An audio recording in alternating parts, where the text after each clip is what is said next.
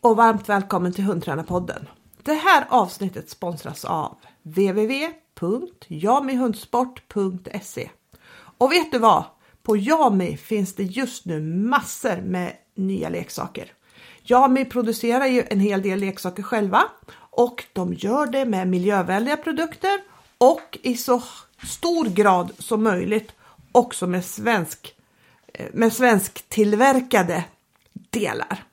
Så vill du köpa bra leksaker till bra pris och med gott samvete, då är det jag med Hundsport som du ska vända dig till. I det här avsnittet så är jag för allra första gången själv i podden. Eh, I tidigare avsnitt så har jag alltid haft någon gäst med mig eller någon medpratare. I början Helen, senare Siv. Men idag så blir det som sagt bara jag. Och idag så är det tänkt att det ska bli en frågepodd. Så att jag hoppas att jag kan bidra med lite idéer och lite inspiration till höstens träning. För det har ju hittills varit en helt grym höst att träna hund. Lagom varmt väder och inte så blött och ja, helt perfekt. I alla fall känner jag att eh, träningen flyter på och vi har inte alls gått in i någon riktig träningsvila ännu. Det, det är möjligt att vi kommer att göra det, men då väntar vi in betydligt sämre väder än vad det är nu i alla fall. Jag har ju fått ett antal frågor på på vår, vår Facebook-sida.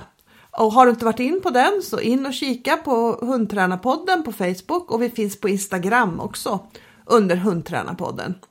Och där, där hittar du oss och där lägger vi också ut ibland när vi har frågor, frågor till oss eller frågor till olika gäster. Så häng gärna med där om du vill ställa frågor. Så dagens frågeskörd kommer ifrån Facebook. Och jag ska beta av lite frågor som jag har fått där faktiskt. Och jag ska börja med de två enklaste tror jag. Och den första är, blir det en kelpie igen? Svaret på det är ja, det blir det. Eh, jag vet inte när, var och hur, men jag har några hundar till som står på min typ bucketlist. Och, och såklart så är kelpie en av dem. Eh, men jag vet inte när och jag vet inte hur, utan det beror lite på ja, när tillfälle bjuds helt enkelt och när det passar in och, och få en hund till. Då blir det en kelpie till. Nästa fråga som jag tror också jag ganska enkelt kan svara på, det är den här. Om du får välja en enda övning från bästa starten, vilken väljer du? Och den, den, den kan jag svara på. Den, den, den, är väldigt enkel för mig, för det är nämligen checka in efter belöning. Eh, därför att om hunden kan checka in efter belöning, då blir det lätt att träna allting annat. Allt från detaljer, moment till helhet. Och checka in efter belöning, det betyder helt enkelt att hunden rör sig mot mig eller ser på mig varje gång som jag tar bort belöningen. Och det här är någonting, vissa hundar gör det här naturligt.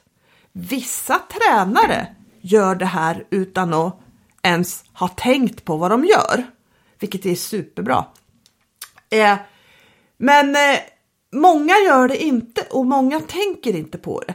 Det är lite därför vi har lagt ganska mycket vikt vid det här i boken och vi har också döpt de här checka in övningarna som ja, men man kan läsa mer om dem i bästa starten. Vi har, vi har um, satt namn på fyra olika checka-in övningar där man helt enkelt sätter hunden i sådana lägen så att den råkar röra sig mot oss eller så att den råkar se på oss och då får vi chans att belöna för det. Och det här med att checka in, det är någonting som vi fortsätter träna på hela tiden och det är någonting som jag tror både Siv och jag har verkligen lärt oss att får man en hund som checkar in hela tiden så skapar det lite av magi i träningen. För det blir så himla enkelt när du har hunden hos dig och att den söker sig mot dig. för, för när du ska fortsätta träningen helt enkelt. Och, och, och, och inte minst till exempel när man ska fortsätta eh, en transport efter en social belöning. Har man en hund som är van då att checka in så blir det så otroligt mycket enklare. Så checka in efter min belöning, det är absolut den övningen som jag tycker är allra, allra viktigaste. Och kanske egentligen som, som, som med alla övningar så krävs det ju lite förkunskaper. Och förkunskaper för checka-in-övningar, det är ju att man har hittat bra belöningar för sin hund. Att man vet vilka godisbelöningar som funkar bäst och att man vet vilka leksaksbelöningar som funkar bäst. Och har man en het hund, ja men då kanske man behöver lite förkunskaper i hur hunden ska hantera belöningarna så att den kan låta bli belöningarna, inte kasta sig in i dem och, utan kunna vänta lite på belöningen också. För det kommer att, och, och det, det kommer att göra checka in träningen lite enklare sen. Och som sagt, vill du veta mer? Läs i bästa starten under kapitlet checka in efter belöning.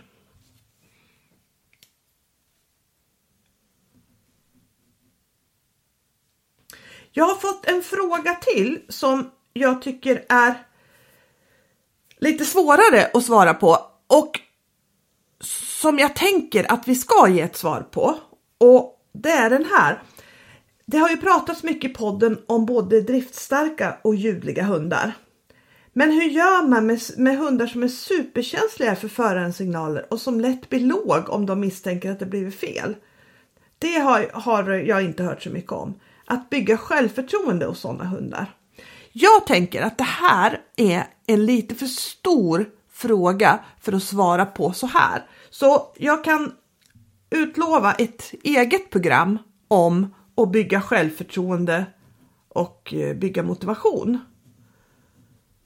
För att eh, ja, jag, jag, tycker att det är svårt att ge svar på det här allt för kort då. Så, så mm, jag sätter upp det här på vår lista och inom en ganska snar framtid så hoppas jag att det ska komma ett avsnitt om, om just det här då. Sen nästa fråga här är gruppmoment. Vad är viktigast för ett tryggt gruppmoment? Hur tränar ni på elitnivå det? Tänker du att hunden ska tänka uppgift eller mer avslappnat ligg tills jag kommer tillbaka? Om du förstår vad jag menar. Och ja, jag förstår definitivt vad du menar.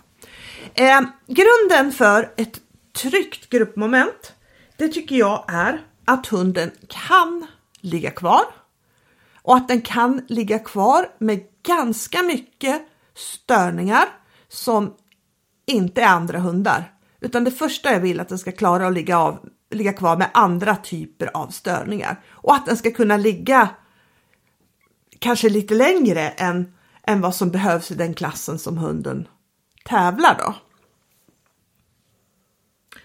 Och sen så tycker jag också att det är viktigt för ett tryggt gruppmoment att hunden är van att vara bland andra hundar och känner sig trygg och bekväm med det. Det här är någonting som är jättesmart att träna på tidigt i hundens liv. Att, att man är på platser där det finns en hel del hundar och att man även kanske är på platser där det är lite trångt för hunden. Och det räcker ju inte bara att vara där utan man får ju också träna lite på liksom hur man vill att hunden ska förhålla sig där. Och, och, och jag tränar mina valpar redan från början att så fort det blir trångt, så fort det liksom andra, så, så fort det blir trångt mellan hundar, så fort du möter en annan hund där det är trångt, så, så vill jag att hunden ska se på mig. Och det här tränar jag jätte, jätte, jättemycket på. Så att liksom, jag försöker på, på det viset också dämpa hundens liksom intresse för andra hundar. Finns det andra hundar så försöker jag se till att ja, men här finns det bästa. Här finns det godis, här finns det leksaker, här finns det allting och du tjänar jättemycket på att vända dig mot mig istället för att vända dig ut. Och jag försöker också se till så mycket jag bara kan att det ska hända. Jag försöker undvika att det händer negativa saker runt hunden. Jag vet att man inte kan styra det här helt och hållet, för vi kan ju inte styra vad alla andra gör. Men jag, jag, jag gör så gott jag kan. Jag försöker vara uppmärksam på vilka hundar som är på planen när jag tränar så att jag vet att det är hundar som inte kommer att sticka och sticka fram till min hund. Eh, jag tränar hunden lite grann på faktiskt att det kommer fram hundar och att hunden kan vara stilla när det kommer fram andra hundar och att, så att jag kan fösa bort dem. Och det här tränar jag med kompisars hundar och snälla hundar så att hunden ska liksom vara lite bekväm i det här och, och känna igen det här.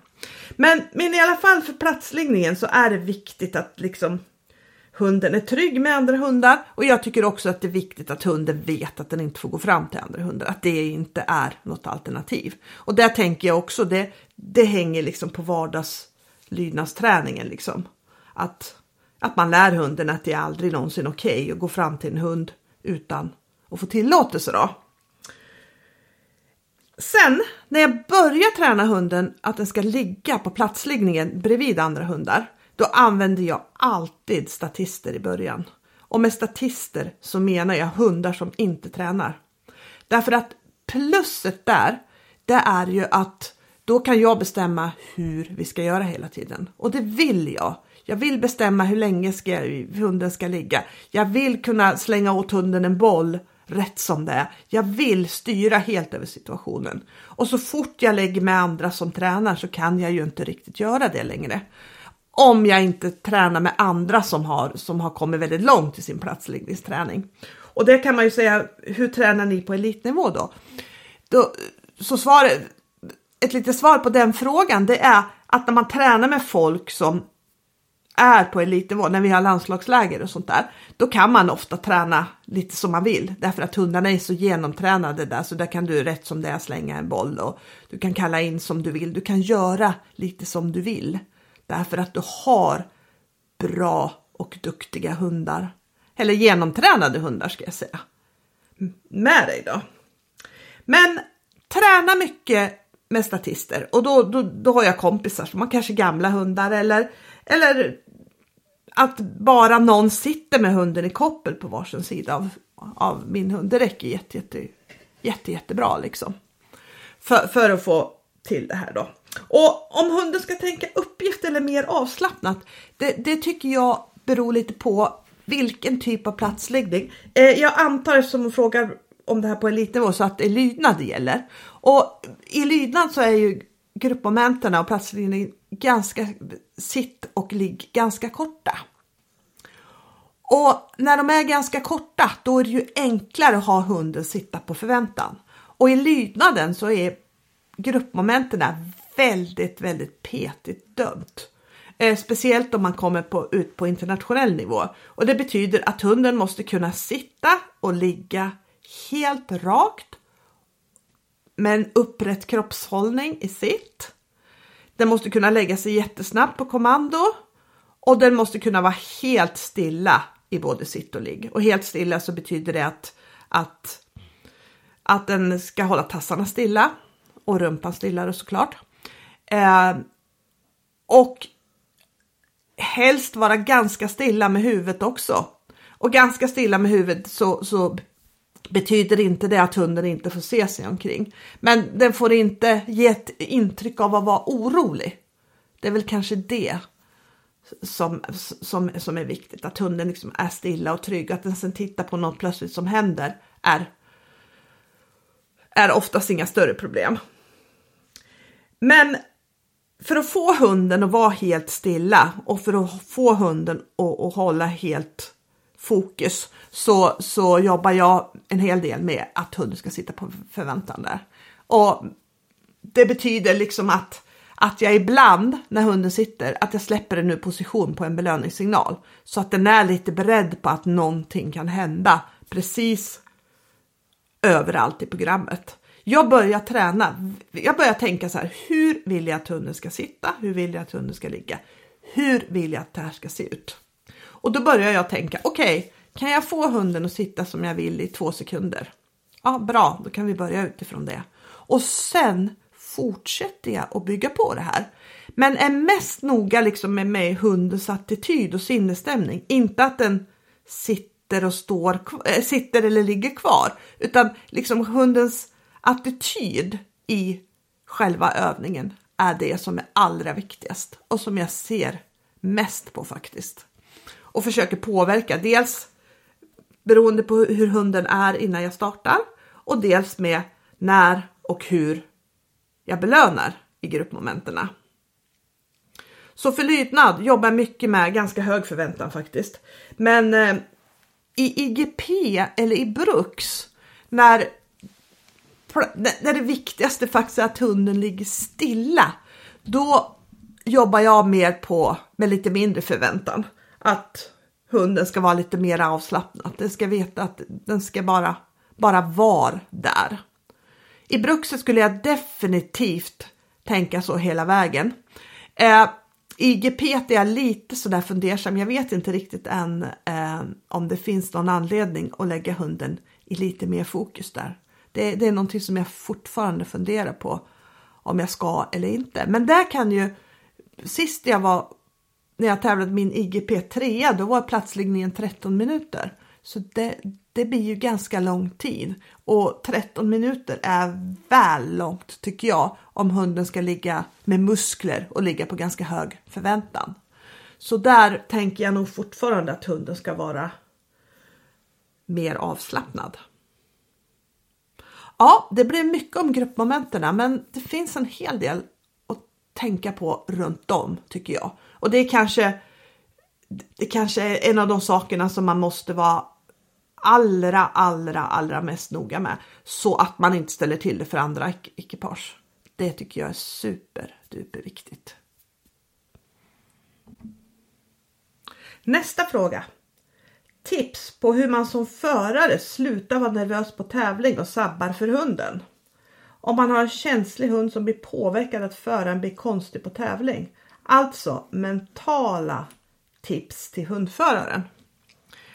Jag tänker nog runt det här med nervositet på tävling att det är en av de sakerna som kanske påverkar hunden. Men jag tänker också att det är en av ganska många saker som påverkar hunden när det kommer till tävling. Så jag skulle tänka så här. Är hunden van vid att värma upp på ett ställe och sen på din signal när någon annan bestämmer det gå in på planen med bra fokus. Är hunden van att göra transporter och göra ett moment i taget och sen gå vidare? Är hunden van att göra uppställningar efter transport? Är hunden van vid kommendering? Är hunden van vid att det är människor och hundar eh, ganska nära runt omkring? Är hunden van vid att jobba längre längre, längre tider utan att få belöning. Det här är några saker som, inver som, in som liksom nervositet inverkar på tävling. Om allt det här är, är liksom osäkra kort för hunden, att hunden inte känner igen dem till 100% då tror jag att nervositeten blir ytterligare liksom en sten som man lägger på hunden.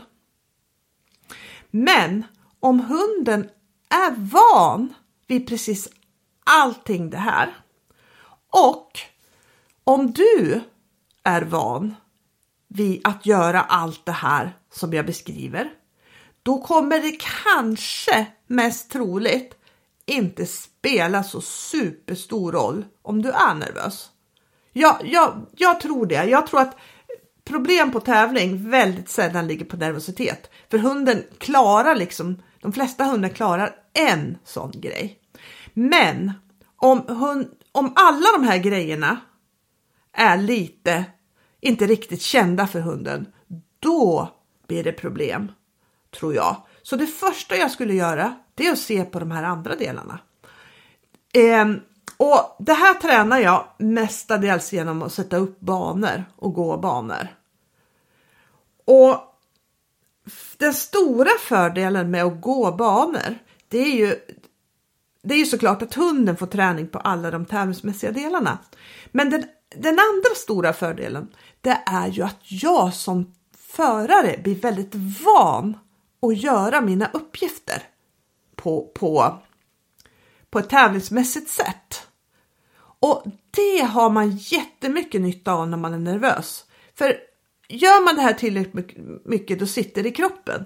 Och jag, jag tycker ibland Ibland så tycker jag att man, ibland ska jag bli hysteriskt nervös, egentligen helt utan anledning faktiskt. Det kan vara på en, vilken liten småtävling som helst som, som jag plötsligt kan bli jättenervös.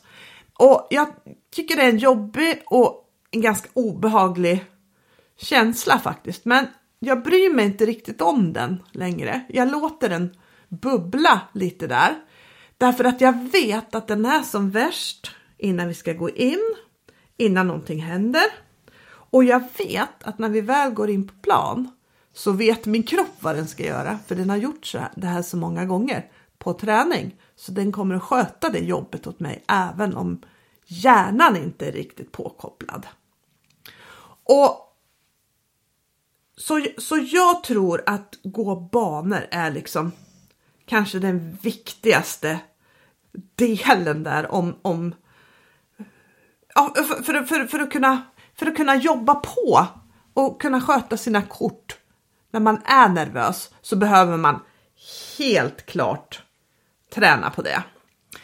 Jag tror ett, ett, en sak som jag ser ganska mycket som domare och som jag tror påverkar hundarna väldigt, väldigt mycket på ett mindre bra sätt. Det är till exempel när man står och väntar. Ni vet de här skitjobbiga sekunderna precis innan man ska gå in på plan. Sista ekipaget före håller på att göra sitt allra sista, får gå av plan och du står där och väntar på att de ska ropa på att det är din tur och du ska in i ringen. Det här tycker jag är nästan det värsta ögonblicket på, på, på tävlingen innan liksom allting startar. Om jag står där och väntar och vare sig jag eller hunden vet exakt vad vi ska göra, då är det lätt att man där börjar tjata på hunden. Och det är ju någonting som i alla fall för mina hundar är ganska ovanligt att jag tjatar och, och bråkar lite på dem. Det är de inte alls vana vid. Så det är en sak som jag är säker på att mina hundar tycker är jättekonstigt. När jag gör det. Och jag, det här har jag vetat om jätte, jättelänge. Men det var först när jag skapade en riktigt bra rutin här. Vad jag ska göra de här sekunderna, vad jag och hunden ska göra de här sekunderna. Så vi båda vet exakt vad vi ska göra när de ropar in oss, eller sekunderna innan de ropar in oss. Och det har gjort jättestor skillnad. För här ser jag jättemånga som, då står man och tittar ut, hunden tappar lite fokus, man börjar, nej du, fot, hallå, hallå, fot! Och så börjar man lite så här. Och så börjar man krångla och man börjar tjata lite på hunden. Och gör man det, då börjar man plötsligt spela på olika planhalvor. Och gå in på planen då när man spelar på olika planhalvor så kanske hunden blir lite, men, men oj, shit, vad, hur ska jag tänka och, och, och vad ska jag göra liksom? Eh, och kanske blir lite tveksam där. Och blir man hunden lite tveksam där, ja men då blir man ju själv ännu mer stressad. Du bara, men du kom igen nu! Och då blir man plötsligt kanske ännu mer annorlunda. Så, så jag tror egentligen inte att det är det kan vara att det är mental träning som behöver till. Om, om vi säger så här att du som har skrivit om du har gjort allt det här jätte, jättemycket och det sitter som ett smäck. Ja, men då kanske det är själva själva den mentala biten som du behöver träna på. Och vi, vi kommer komma i kommande avsnitt här så kommer det att bli lite om mental träning och då ska jag ta till vidare den här frågan. Om ehm, ja, så kanske du får lite svar runt det mentala. Men som sagt igen, jag tror att det väldigt, väldigt ofta beror på att varken hunden eller man själv är tillräckligt bra tränade på det som vi ska göra på tävling. Då ska vi hoppa in på nästa fråga. Jag har tränat agility tidigare och där pratar man ibland att det är viktigt att hunden får vila från träning. Vanligt är en månad på vintern och en månad på sommaren. Det är såklart individuellt och beroende på hur mycket man tränar. Men hur tänker du runt, runt vila i lydnadsträning? Behövs det? Eh, ja, mina egna hundar får ju ofta naturliga vilopauser när jag är borta. Därför att jag reser en hel del i mitt jobb och, och då blir det liksom ja, då blir det natur, naturlig tid att vila och ibland så är jag borta rätt länge, flera veckor då. Och då blir det ju ingen träning för hundarna. Jag, jag, jag tror re, ren lydnadsvila, jag tror att mina hundar tycker det är jättetråkigt. Så jag tror inte att hundarna uppskattar det speciellt mycket. Men rent fysiskt kanske det kan vara smart att låta kroppen vila en period. Och, men jag, jag tänker det beror ju också på det beror också lite grann på hur man tränar tror jag. Hur mycket upprepningar man kör och hur mycket man utsätter hunden för snabba rörelser, snabba stopp och, och sådana här saker. Så jag, jag tycker det, det, det, är lite svårt att svara på. Jag tror att man får känna efter själv lite vad som, vad som passar bäst då. Jag, jag, jag tänker kanske mer runt fysik, hundens fysik att, att ju mer jag tränar ju mer låter jag hunden röra sig. Eh, helst ostigat i skog och, och mark och att de får röra sig lösa där då. Så att de får bra fysträning på det, på det viset då. Och som sagt naturlig vila får de i alla fall. Men jag vet att det är väldigt många som tar en, ja men någon månad här och där och låter hunden liksom vila från all träning och, och ja. Och men jag kan inte säga vare sig rätt eller fel eller utan jag tror man ska känna efter. Vad, vad, vad passar oss? Vad passar mig och den här hunden? Faktiskt. Vad blir bäst? Fysiskt och mentalt då. Också såklart. Och sen samma person har ställt en fråga bästa tipsen när man tränar gruppmoment så att hunden har lagom anspänning. Eh, och det här kan vi ju bara tillägga till platsliggningspratet innan att, att eh, lagom anspänning det är ju finlir i träningen att man måste se på hunden hela tiden. Var och när är det läge att lägga in belöningar faktiskt. Och det har med förvänt, lite belöningsförväntan att göra tänker jag. Och det har ju också med kriterier att göra. Vad, vad lägger jag i platsliggning och platssittning? Vad ska hunden göra när den sitter och när den ligger? Och vilken typ av fokus ska den ha? Och när man har lärt hunden det, byggt en massa belöningsförväntan i det också såklart, så håller, skulle jag också hålla på kriterierna där. Att, att det, här, det är det här jag har lärt dig och det här och det, det är det här som är platssittning och platsliggning, ingenting annat. Så det korta svaret på den frågan är riktigt finlir i träningen. Inlärning, belöningsförväntan, kriterie i en perfekt kombination. Sen kommer en ny fråga här där den lyder så här. I vilken situation i träningen säger du till hunden att det här kan du inte göra? Eh, Och jag tror att samma person har ställt faktiskt en fråga till här. Och det, det är till exempel att vad, vad gör jag om hunden Säger du till hunden om den inte kan koncentrera sig fritt följ? Till exempel. Men jag, för, jag försöker och verkligen inte ha säga till hunden som strategi i träningen. Utan jag vill att hunden ska vilja hela tiden. Eh, vi har pratat om det här förut och jag vet att det blir kontroversiellt varje gång man säger någonting åt det här hållet. Men, men eh, jag kan säga där jag säger att verkligen till hunden att det här får den inte göra. Det, det, det hör till min vardagslydnad lite mer. För att vissa saker liksom, det, det är liksom helt... Vissa saker är förbjudna att göra, då kan jag säga till hunden. Och, och, och när jag säger till hunden, då, då menar jag att sluta med det här omedelbart. Annars så kom, kommer du få problem.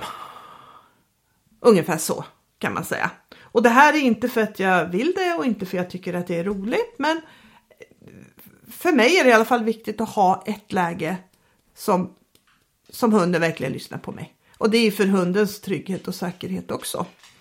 Utan tvekan. Men i träningen försöker jag att inte tänka så. Och jag tänker så här att om hunden inte kan koncentrera sig i fritt följ så kan, så kan det ju såklart vara därför att hunden inte vill det.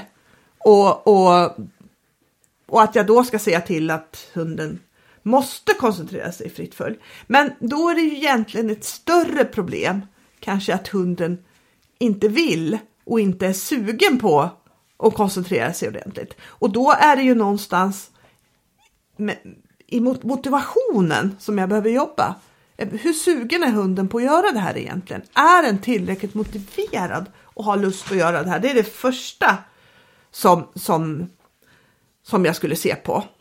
Sen skulle jag också tänka så här, vad behöver, vilka förkunskaper behöver hunden ha för att bli bättre på att fokusera?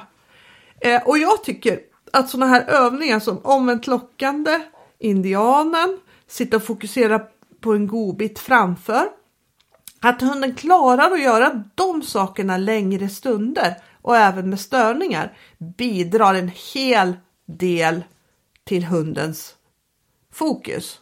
Och jag upplever att alla hundar som jag inte har tränat det här med har varit betydligt sämre på att koncentrera sig än de hundarna som jag har tränat det här med en hel del. Så, så där tänker jag liksom förkunskap är koncentration. Och sen den sista delen, det, det, det är ju också kriterier då. Va, vad har jag lärt hunden och vad ska hunden göra? Och hur noga jag är i mina kriterier och att jag verkligen har liksom bestämt. Jag, jag tänker runt freföljet så här. Var ska hunden gå? Var ska den hålla sitt huvud? Och var ska den se? Var ska den titta? Och var ska den hålla sitt huvud? Det, det, det är liksom freföljet. Och där jag har bestämt, det är där den ska vara. Ingen annanstans. Gör den någonting annat så fortsätter vi inte. Då bryter jag det på studs för att det är inte fritt följ, utan då, det betyder ju att hunden gör någonting annat. Men ju petigare som man är i sitt fria följ, både med hundens fokus och med hundens position, ju mer noggrannare måste jag lära in det, ju mindre steg kanske jag måste jobba med. Men ju viktigare blir det ju att man utökar de här stegen väldigt successivt och att man vet vart man är när man tränar. För jag tror ett stort problem just med fria följet och fokus, det är att många bara går ut och tränar fritt följ. Och ibland är hunden fokuserad hyfsat och ibland inte. Men det händer liksom ingen, det, det sker ingen större skillnad då. Och att man kanske, ja men när jag tränar, jag brukar gå så här långt och sen kommer belöning. Och så går man ungefär så långt varje gång man tränar. Och så har man gjort det ganska länge och hunden har fått ganska mycket belöningsförväntan på just den punkten. Då är det ofta väldigt svårt att komma vidare. Och, och här tycker jag att det är så otroligt viktigt att man har sin träningsbok så att man vet hur långt klarar vi att gå och vad är nästa steg? För, för om jag bara fortsätter och gör samma sträckor som hunden kan då, då leder det ju inte till speciellt mycket utveckling och det kan till och med bidra att man får ofokus när man, när man ökar på sträckorna. Samma frågeställare har också, skriver också så här. Min hund, border collie, tycker mycket om att springa till rutan och koner. Vad gör du om hunden inte kan koncentrera sig fritt följ och bara tänker på rutan? Och då blir fria följet hemskt. Hunden ljudar och hunden går ur position. Och det här är ju en väldigt typisk border collie grej tycker jag. Det här spenderar jag otroligt mycket tid på i träningen. Och jag kan säga så här att det här är skittråkig träning. Men kanske den allra superviktigaste träningen som, som man, man kan göra. Och det går ju ut på att hela tiden träna hunden på att okej, okay, du kommer att få springa till rutan, du kommer att få springa till konerna, du kommer att få springa på allting. Men det föregås av att du måste göra en uppgift innan. Om du gör den här uppgiften precis så bra som du kan, då får du fortsätta. Till exempel om jag går fram och ställer upp, ska ställa upp till, till eh, rutan och hunden börjar kanske smyga lite grann och, och börjar bli lite slarvig och när jag ställer upp så, så är hunden helt inne i att den ska springa till rutan och den sätter sig lite slarvigt och lite långsamt. Låter jag hunden gå till rutan då så lär jag hunden att om, du, om det är någonting som du tycker är kul så kan du slarva med uppgiften innan. Men man här tvärtom behöver vara jättenoga med okej, okay, du vill springa till rutan, då må du göra din ingång riktigt, riktigt bra. Och sen verkligen driva igenom det. Alltså vissa gånger så blir det inte i perioder av träningen skulle jag vilja säga på, på den bordercollen som jag tränar nu så har det inte blivit någon skick därför att jag har bara fått ja, men träna uppställningar och jag har liksom kanske i ett pass inte fått fram det jag vill i uppställningar därför hunden gör inte det tillräckligt väl. Ja, men då, då skippar vi bara rutan och så går vi till nästa grej. Och det här är ju igen, det är supertråkigt. Dötråkigt att träna på. Men det, det ger verkligen jättemycket i längden och, och så försöker jag träna även lite på, på bitarbete liksom. Att det som föregår att hunden får gå iväg och att den får bita så måste den göra det som jag vill innan. Och den måste inte göra det bara, för det, det hjälps inte om hunden bara gör det, utan den måste göra det så bra som den kan. Och det här får man ju verkligen, verkligen slita med. Men om man ska ge ett konkret råd för det här, för fria följet, så är ju fria följet, det, det är svårt att gå fritt följ när hunden vill någonting annat. Så det allra första jag skulle träna på, det är att du kan slänga en leksak framför dig och att hunden kan göra en frivillig ingång. Det är liksom det absolut allra första och den ska kunna göra en frivillig ingång bra.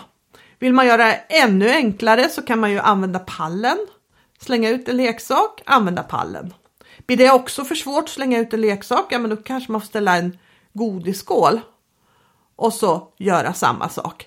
Och vara supernoga med att, att kriterierna gäller för uppgiften innan. Och då växlar jag med att belöna hos mig och att belöna att hunden får gå och ta det som jag har lagt ut. Och det här, är, det här tror jag är någonting som är jättesmart och, och träna med, med i princip alla hundar så att de verkligen lär sig och, och om vill du väldigt gärna göra någonting så kommer du få göra det, men det kommer att föregås av en annan grej. När det här sitter till 100 ja men då kanske det är läge att ta in hunden vid sidan, gå ett kort fritt följ och där tänker jag håll på kriterierna. Vad är fot? Fot är inte att ljuda och fot är inte att gå för långt fram utan utan där skulle jag verkligen tänka att jag håller på kriterierna. Har jag en hund som har lätt för ljud så kommer jag mixa in en hel del fokusövningar små korta indianen, omvänt lockande, för det slår ofta lite broms, sätter hunden i mer fokus. För att när man har ljud så tycker jag att det är väldigt vanligt att man inte behöver ha en lugnare hund. Men däremot så behöver man ha en mycket, mycket mer fokuserad hund. För om, hund, om hunden har riktigt bra fokus, då, då är det minimal risk för ljud.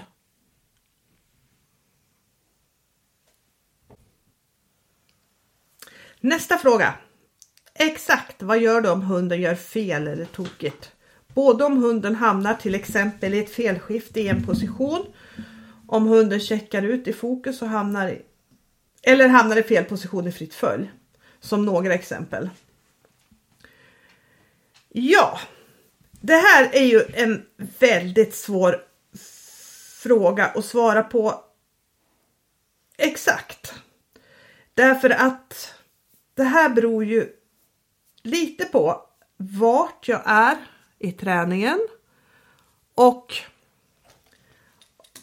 och, och, och, och vad jag tränar på eller liksom vilken del det gäller. Men om man ska försöka om man ska försöka förklara det här på ett eh, lite konkret och tydligt sätt så, så tänker jag så här. När det blir fel och när det blir tokigt så vill jag att hunden alltid ska veta om det. Det ska vara solklart och väldigt tydligt för hunden så att den verkligen förstår att det var inte, det var inte det jag skulle göra. Och om jag säger solklart och tydligt så behöver, betyder inte det absolut att det, att det betyder någonting tråkigt eller negativt för hunden. Snarare tvärtom. För om hunden gör fel så vill jag inte att den ska Eh, att den, inte, att den ska bli försiktig eller tänka att oj, det här blev lite tokigt. Nu får jag nog, nu får jag nog tänka till lite. Utan nästan alltid så vill jag att hunden ska ha lite mer kampvilja när jag ser att det blir fel. Så att när jag säger oj, nu, nu när den får information att det, att det blir fel så vill jag att den ska liksom nästan fara tillbaks och, mot mig och så bara för i helskotta, vad ska jag göra istället? Vad är det du vill? Den känslan vill jag ha och den jobbar jag med ganska mycket för att få genom att sätta hunden i de lägena när jag talar om att det blir fel. Eh, om hunden checkar ut i fokus, eh, till exempel i en bana, då gör jag nästan, det, det, här är ju lite olika på vilken typ av hund man har, men jag retas ofta med belöningen så att hunden blir frustrerad. Men bara lite frustrerad, inte för mycket. Lite frustrerad. Sen har jag med valpar och unghundar så har jag en pausplats, ofta en bädd faktiskt. Och checkar hunden ut och liksom slutar jobba, inte kastar en blick åt sidan, det handlar inte om det, men om att den liksom, ja men den, den, den, den tappar, den tappar fokuset i jobbet. Då tar jag tillbaks hunden till bädden, tar en liten paus där, eh, tänker om och ser om jag behöver ändra på någonting. Kanske det var för svårt idag. Vi kanske är i en miljö som hunden inte är så van vid att, att träna i och jag la ribban lite högt för jag tänkte att det brukar gå bra på bekanta platser. Då tänker jag då kanske jag gör om och gör det lite enklare i nästa, i nästa pass. Ja, kanske ändra på någonting. Eller så tänker jag att nej, men det här var nog kanske bara en ren tillfällighet och så provar jag en gång till då efter hunden har fått tagit en break. Om hunden hamnar fel i fel position i fritt följ som till exempel, då kliver jag alltid ur. Jag tar ett steg bort från hunden och ser till att jag flyttar mig så jag hamnar framför hunden. Och så brukar jag säga, oops, vad händer nu då? Och i start, när jag börjar träna på det här, att, att jag säger till hunden i något läge att, att det är fel, då belönar jag alltid nästa försök jätte, jättemycket. Oavsett om det blir bra eller dåligt, det, det spelar ingen roll. Det jag vill ha, det är att den hunden är väldigt trygg att försöka igen. För det som jag upplever att väldigt många, när de talar om för hunden att det är fel, så blir det väldigt många fel på raken. Och blir det väldigt många fel på raken så lär man ju hunden att felsignal betyder att det är svårt och att jag kanske inte kommer att klara den här uppgiften. Men det, viktigt, det viktigaste med en felsignal tycker jag att hunden har, får ett bra mood. Och det här är ju ingenting som man får gratis utan med vissa typer av hundar kan vi gå tillbaka på den här frågan med hundar med mindre självförtroende. Ja, men då får man jobba med det här superduper mycket. Jag känner med en del hundar som jag har haft har jag inte jobbat igenom det här och, och det ångrar jag verkligen idag. För idag vet jag att jag skulle kunna ha gjort det på ett jättebra sätt om jag inte hade varit så låst i hur själva momenterna skulle gå. För ofta när man är mitt inne i ett moment då vill man lösa det och så kanske man ställer till det på andra fronter. Så en, den här frågeställaren undrar också vad gör du till exempel om det blir ett felskifte i position? Och då vet jag inte om hon menar ett felskifte när man går eller i fjärret. Eh, supersnabb information till hunden. Att samma sak igen, jag säger, säger också oj nu, ups, ups eller ups eller nu, nu blev det fel. Och sen så tar jag upp hunden ur positionen och så tänker jag vad jag ska göra. I fjärret så är jag jättenoga med att jag aldrig någonsin vill blanda en massa rätt och fel. För om hunden växlar rätt, rätt, fel, dubbelkommando, rätt, fel, flyttar sig lite, eh, rätt och så kommer en belöning där. Så har jag ju liksom belönat för hela den kedjan. Så i fjärret så går jag tillbaka till hunden och eh, talar om att det blir fel. Och ibland om jag är på långt avstånd så kan jag säga att det blir fel, men då kan det bli en kort break, eller då blir det en kort break innan jag fortsätter. Och sen så får hunden fortsätta. Men på, i alla lägen så vill jag att hunden ska förstå att det blev fel. Och det jag vill att den ska tänka när det blir fel är att den tog ett steg bort från belöningen.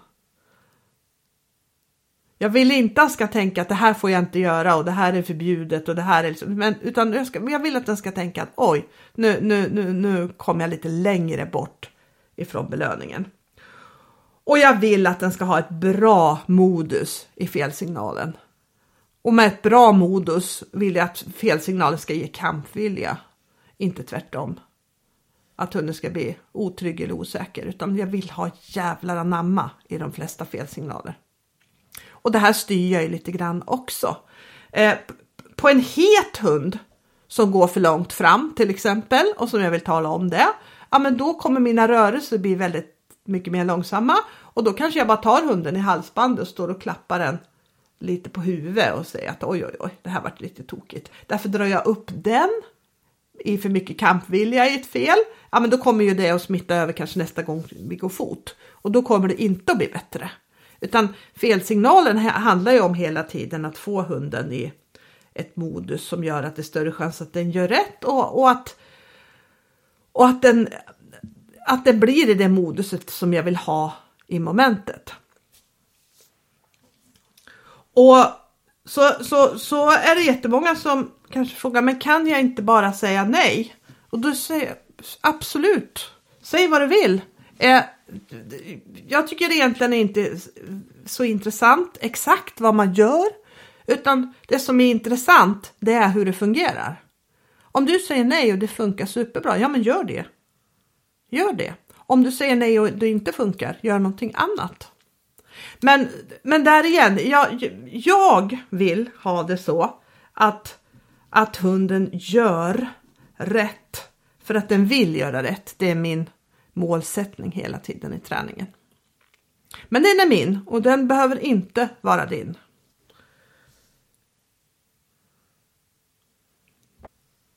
Nästa fråga. I förra podden pratade ni om skillnaden mellan lyckas ta sig till SM och sen lyckas prestera på SM Eh, och står sig bra i konkurrensen på nordiska EM och VM. Eh, det framkom att många inte inser skillnaden i den träningsmängd som krävs och vilka förmågor, egenskaper som hunden och föraren behöver ha. Det får ni gärna utveckla vidare. Korta svaret på den frågan, det är ju att precisionsnivån blir mycket, mycket tuffare. Eh, det är mycket, mycket mer noggrant med detaljerna i alla moment. Eh, för, för, för att kunna ta sig till SM så krävs det kanske en detaljnivå, men för att prestera på SM så krävs det en helt annan detaljnivå. Sen är det en annan sak också som, och det, och det är ju själva helheten. För att prestera på stora tävlingar så behöver du ha en hund som eh, klarar att göra sina uppgifter i alla situationer och klarar att göra dem ja, men på beställning. För det är precis det som vi ska göra. Och, och, och varje gång. Och det, det, tycker jag Jens Frank också sa på ett väldigt, väldigt eh, bra sätt. Jag vet inte om han sa det bara emellan eller om han har sagt det i någon podd. Ni får lyssna och kolla för det finns ett par avsnitt med Jens. Men att skillnaden mellan att träna in ett beteende som hunden ska kunna åtta gånger av tio och tio gånger av tio är väldigt, väldigt stor. Och det kan jag hålla med om. Att göra hunden riktigt, riktigt säker på alla delar och moment. Det kräver jätte, jättemycket tid. Och arbete. Och sen så tror jag också att vad som krävs av föraren. Ja, men, ja, men jag tror det som krävs av föraren är att ha ganska bra koll på vad som krävs i detaljnivå. Eh, och har man inte tränat supermycket i den gren som man tävlar i så finns det ju en hel del filmer att se på Youtube till exempel. Eh, kolla på filmer från tävlingar. Ja, jag tycker att det är bättre att utgå från det än att utgå ifrån detaljer, enstaka detaljer som folk lägger ut på Facebook. För att enstaka detaljer har ganska stor, eller har ganska liten betydelse i helheten. Utan se vad krävs för att få ihop saker och ting i en helhet. Titta på hela program. Titta på filmer från VM och SM och om det är dit som du vill komma. Se på vad hundarna gör och vad hundarna kan och se vad du själv behöver jobba med för att, för att nå den nivån. Och, och, och där igen så jag tror, det här tror jag stämmer för alla hundsporter. Att vill man lyckas väldigt bra i den hundsporten man håller på med så krävs det jättemycket träning. Alltså otroligt mycket träning. Och, och de som jag känner som, som ligger högt i olika grenar så är precis där de lägger ner väldigt, väldigt mycket tid på sin träning. Och det är precis det man behöver göra. Men man behöver ju också veta som sagt vad man ska träna på. Faktiskt. Och vilka delar som man ska prioritera och ja, men hitta någon slags det här, hitta en bra balans mellan detaljer, för man måste ha riktigt snygga detaljer, men du måste också till att du har den här helheten. Så där blir ju liksom en kombo hur mycket man ska lägga på varje i träningen. Och om ni vill lyssna på tidigare poddar så pratar ju Siv om det i någon av poddarna, hur hon har lagt upp träningen med sin hund för att försöka hitta något, någon slags, något slags recept på hur hon ska kunna lägga sin hund i så bra form som möjligt utefter och träna olika proportioner på helhet och på detaljer. Det tycker jag är jättespännande och jätteintressant så det ska vi prata med henne i någon i, någon, i, någon fort, i någon podd längre fram här så får vi höra vad, vad ja, hur långt hon har kommit i det jobbet och om, hon, om det har gett det som hon har tänkt sig. Så det här är ju några saker då, men det här skulle man också kunna prata ett helt program om för att det är. Det, det finns mycket i den frågan utan tvekan. Den allra sista frågan för idag får bli hur hanterar du en hund som släpar i fotposition? 1. Jag skulle titta vad har, hur belönar jag och vad använder jag som belöning? Är det värt att kämpa för? Är det värt att jobba för? Eh, mest troligt behöver man mer aktivitet, alltså tänker jag att det behöver vara mer action i belöningarna. Det är det första jag skulle tänka, vare sig du använder godis eller leksak, mer action i belöningarna. Det andra jag skulle tänka är hur, hur får jag hunden i rätt sinnesstämning innan jag börjar träna fritt följ? Så att jag har hunden i ganska bra energi. Kanske leker, kanske gör lite tricks. Se till att jag verkligen har hunden i, bra, i ett bra modus för att gå fritt följ. Sen tänker jag på kriterier. Att aldrig fortsätta om hunden inte hänger med utan hoppar jag ur position, retas med hunden, provar igen. Sen gäller det att bygga ut fri följdträning i väldigt små steg. Kan hunden gå två steg fritt följd, ja men då är nästa steg kanske kunna gå tre steg. Och sen växlar jag mellan att belöna ett, två och tre steg. Och, och så fort tre steg då går bra, ja men då måste ribban upp. Så jag växlar mellan kortare och längre men är hela tiden väldigt medveten om vilket det längsta vilket är det längsta som hunden kan gå just nu då. Och sen bygga på det. Och där igen, för att veta det, då må du ha koll på då må du ha koll på det. Du måste skri, skriva ner det varje gång så att, så att ja, men så att du har koll på hur långt du ska gå och hur långt hunden kan gå. För jag tror ibland om man, om man, om man hoppar över några steg på den här stegen så är det lätt att hunden blir tveksam eller lite uppgiven eller inte riktigt förstår själva uppgiften. Så väldigt ofta så handlar det, handlar det om att man behöver ta den här träningen ännu mera stegvis faktiskt. Så jag hoppas att det här var svar på din fråga. Jag vill tacka er för idag och hoppas att ni har fått lite idéer och lite inspiration. Eh, kommentera gärna avsnittet på Facebook eller på Instagram och ge oss gärna Fråga oss gärna fler saker. Vi kommer att ha ett antal jätteintressanta gäster här framöver. Och det kommer jag, då kommer jag också lägga ut så att man kan ställa några frågor till de här gästerna som kommer att dyka upp.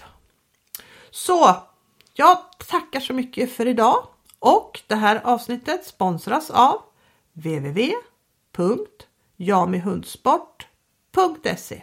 Här hittar ni de allra bästa och skojigaste leksakerna.